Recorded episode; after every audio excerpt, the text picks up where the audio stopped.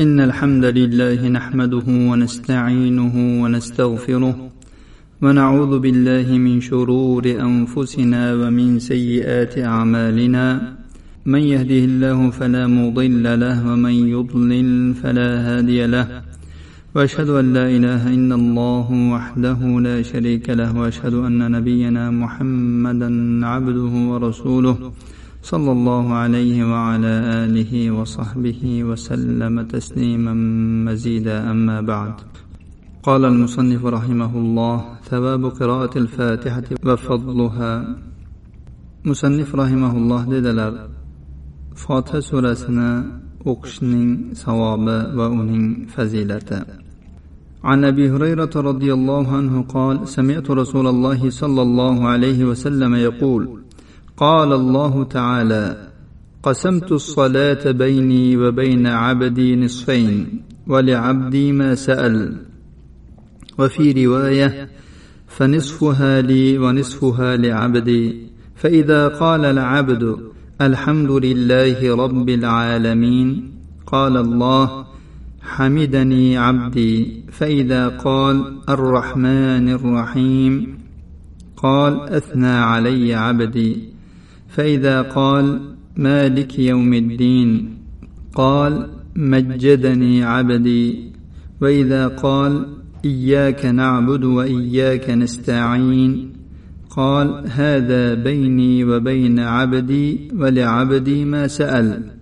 فإذا قال اهدنا الصراط المستقيم صراط الذين أنعمت عليهم غير المغضوب عليهم ولا الضالين. قال هذا لعبدي ولعبدي ما سأل رواه مسلم. abu hurayra roziyallohu anhudan rivoyat qilinadi dedilar men rasululloh sollallohu alayhi vasallamdan eshitdim. U zot dedilarki alloh taolo aytdi men namozni o'zim bilan bandam o'rtasida ikkiga taqsimladim. Bandam uchun so'ragan narsasi bo'ladi. Bu yerdagi namoz deyilyapti. Namozdan maqsad fotiha surasini o'qish. Fotiha surasi.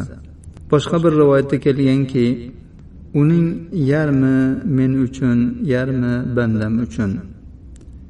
Banda alhamdulillahi robbil alamin desa ya'ni butun olamlarning parvardigori tarbiyat kunandasi alloh uchun beadad hamdu sanolar bo'lsin deydigan bo'lsa alloh taolo aytadiki bandam menga hamd aytdi.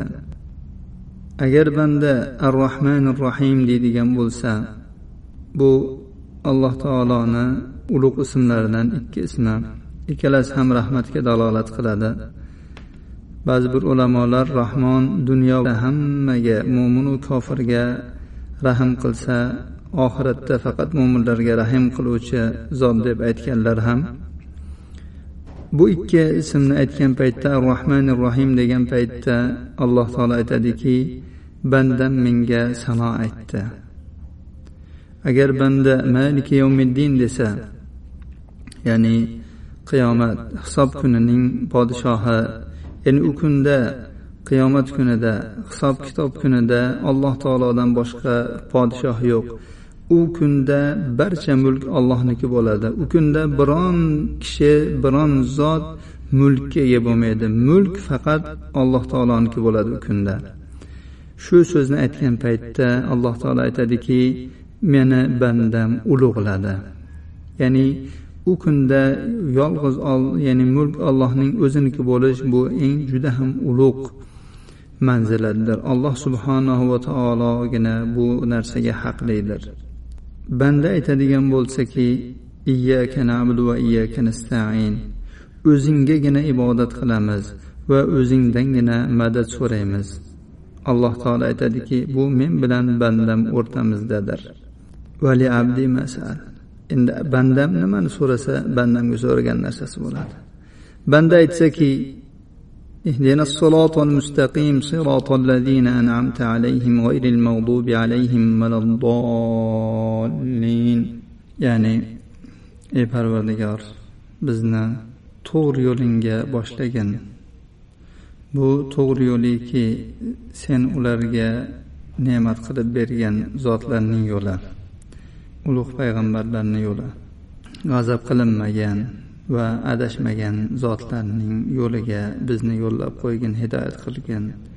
Deydigan bo'lsa alloh taolo aytadiki bu bandam uchun bandam uchun so'ragan narsasi bo'ladi. Imom muslim rivoyatlari. وعن ابن عباس رضي الله عنهما قال بينما جبريل عليه السلام قاعد عند النبي صلى الله عليه وسلم سمع نقيضا من فوقه فرفع رأسه فقال هذا باب من السماء فتح اليوم لم يفتح قط إلى اليوم فنزل منه ملك. فقال هذا ملك نزل إلى الأرض لم ينزل قط إلا اليوم فسلم. فقال أبشر بنورين أوتيتهما لم يؤتهما نبي قبلك. فاتحة الكتاب وخواتيم سورة البقرة. لم تقرأ بحرف منهما إلا أعطيته رواه مسلم. ابن عباس رضي الله عنهما روايت خندا ديدلر جبريل عليه السلام نبي صلى الله عليه وسلم من حضور الأرض اترجندا yuqori tomonidan bir ovozni eshitdi. Boshlarini yuqoriga ko'tarib qaradilar va aytdilarki bu osmondagi bir eshik. U faqat bugungina ochildi xolos. Bugundan avval hech qachon ochilgan emas. Undan bir farishta tushib keldi. Jibril aytdilarki mana bu farishta yerga birinchi bora tushishi. Bugungi kundan oldin u hech qachon tushgan emas.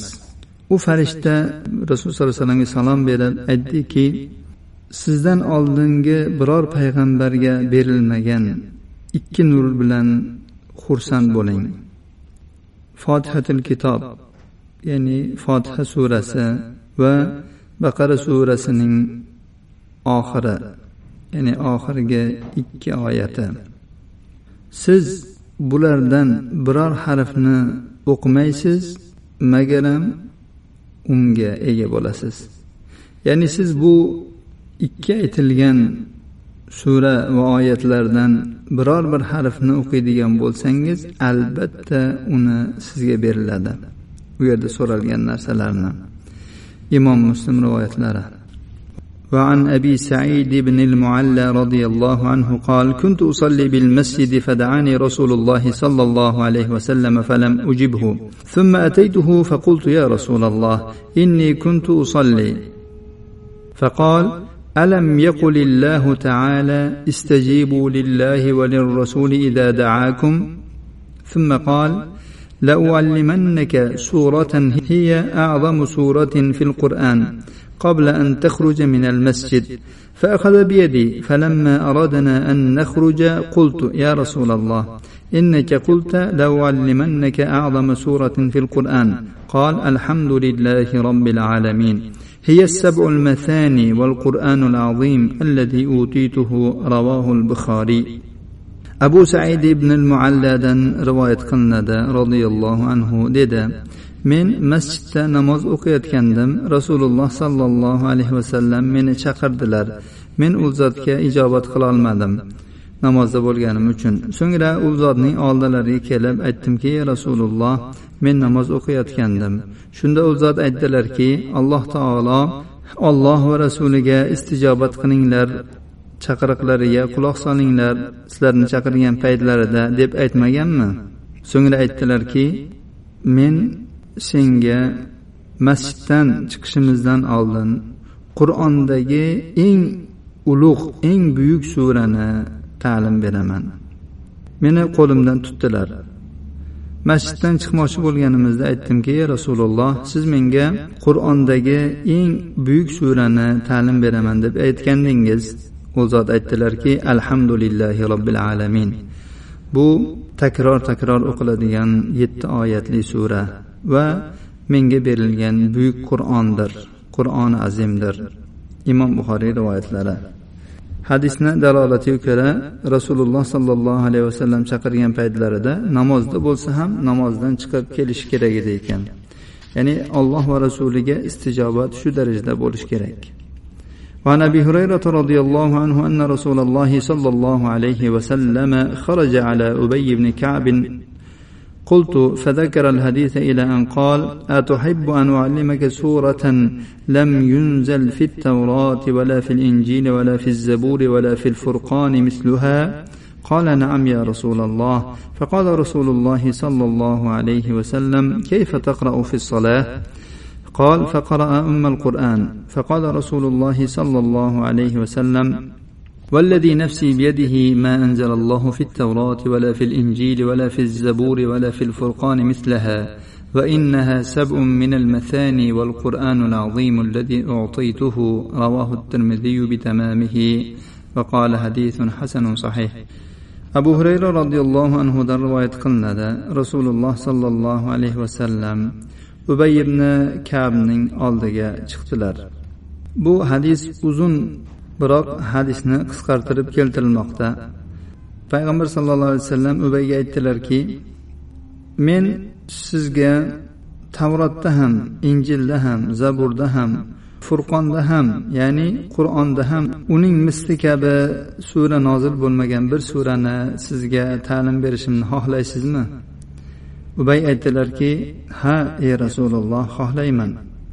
Rasululloh sollallohu alayhi vasallam aytdilarki siz namozda qanday qiroat qilasiz? Ubay ummul qur'onni ya'ni fotihani o'qidilar. Rasululloh sollallohu alayhi vasallam aytdilarki jonim qo'lda bo'lgan zotga qasamki alloh taolo tavrotda ham injilda ham zaburda ham furqonda ham buning mislidek biron surani nozil qilgan emas. bu takror takror o'qiladigan yetti oyatlik sura va menga berilgan qur'oni azimdir termiziy buni to'la suratda rivoyat qilganlar hadis sahih targ'ib va tarhibda bir ming to'rt yuz ellik uchinchi raqam ostida sahih sanalgan وعن انس رضي الله عنه قال كان النبي صلى الله عليه وسلم في مسير فنزل ونزل رجل الى جانبه قال فالتفت النبي صلى الله عليه وسلم فقال ألا أخبرك بأفضل القرآن قال بلى فتلا الحمد لله رب العالمين رواه ابن حبان والحاكم وقال صحيح على شرط مسلم anas roziyallohu anhudan rivoyat qilinadi dedilar nabiy sollallohu alayhi vasallam yo'lda edilar bir joyga tushdilar shunda nabiy sollallohu alayhi vasallamning yonlariga bir kishi ham tushdi. Ya'ni rasululloh sollallohu alayhi vasallamni oldiga sahobalardan bittalari tushdi. Anas aytadilarki nabiy sollallohu alayhi vasallam unga burilib qaradilarda va dedilar men senga qur'onning eng afzalini xabarini berayinmi? U ha bering dedi. Shunda rasululloh sollallohu alayhi vasallam alhamdulillahi robbil alamin deb tilovat qildilar. Ya'ni fotiha surasini tilovat qildilar. Ibn hibbon hokim rivoyatlari ushbu hadis sahih targ'ib va tarhibda bir ming to'rt yuz ellik to'rtinchi raqam ostida sahih sanalgan. Savabu man qara suratal baqara. Baqara surasini o'qigan odamning savobi haqida.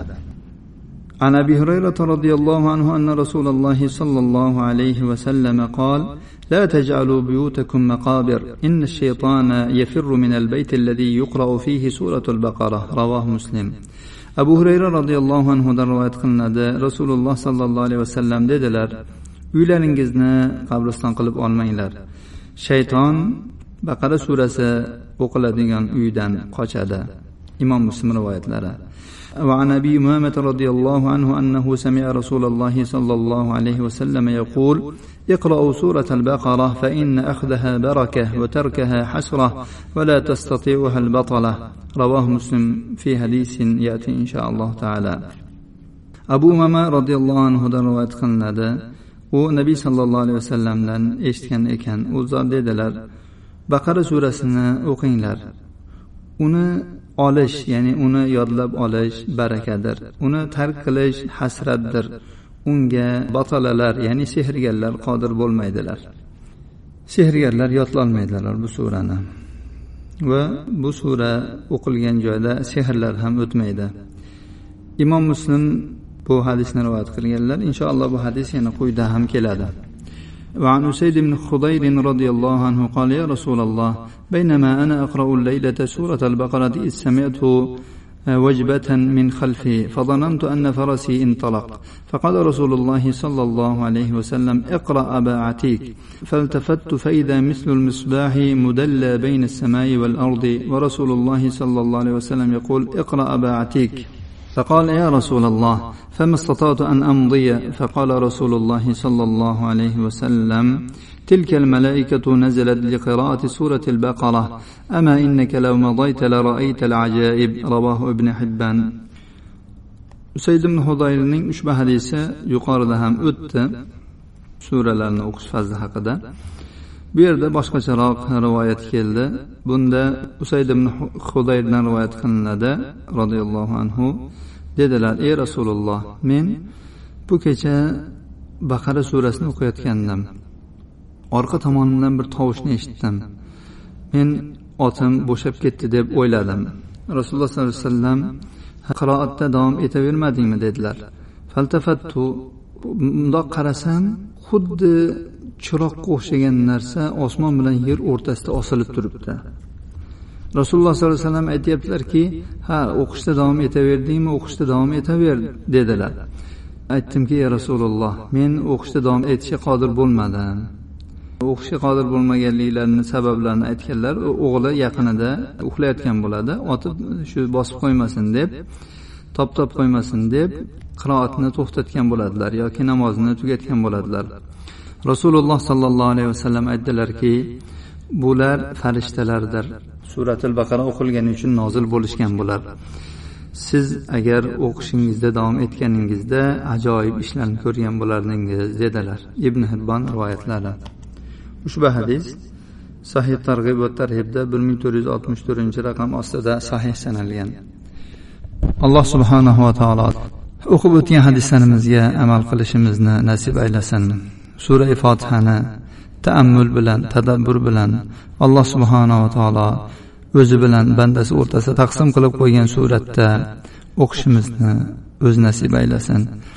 Va fotiha surasini o'qiganimizda ham baqaraning oxirgi ikki oyatlarini o'qiganimizda ham alloh subhanahu va taolo bizga o'sha yerda so'ralgan har bir so'rovlarimizni o'zi bersin. اهدنا الصراط المستقيم. صراط الذين أنعمت عليهم غير المغضوب عليهم ولا الضالين. آمين.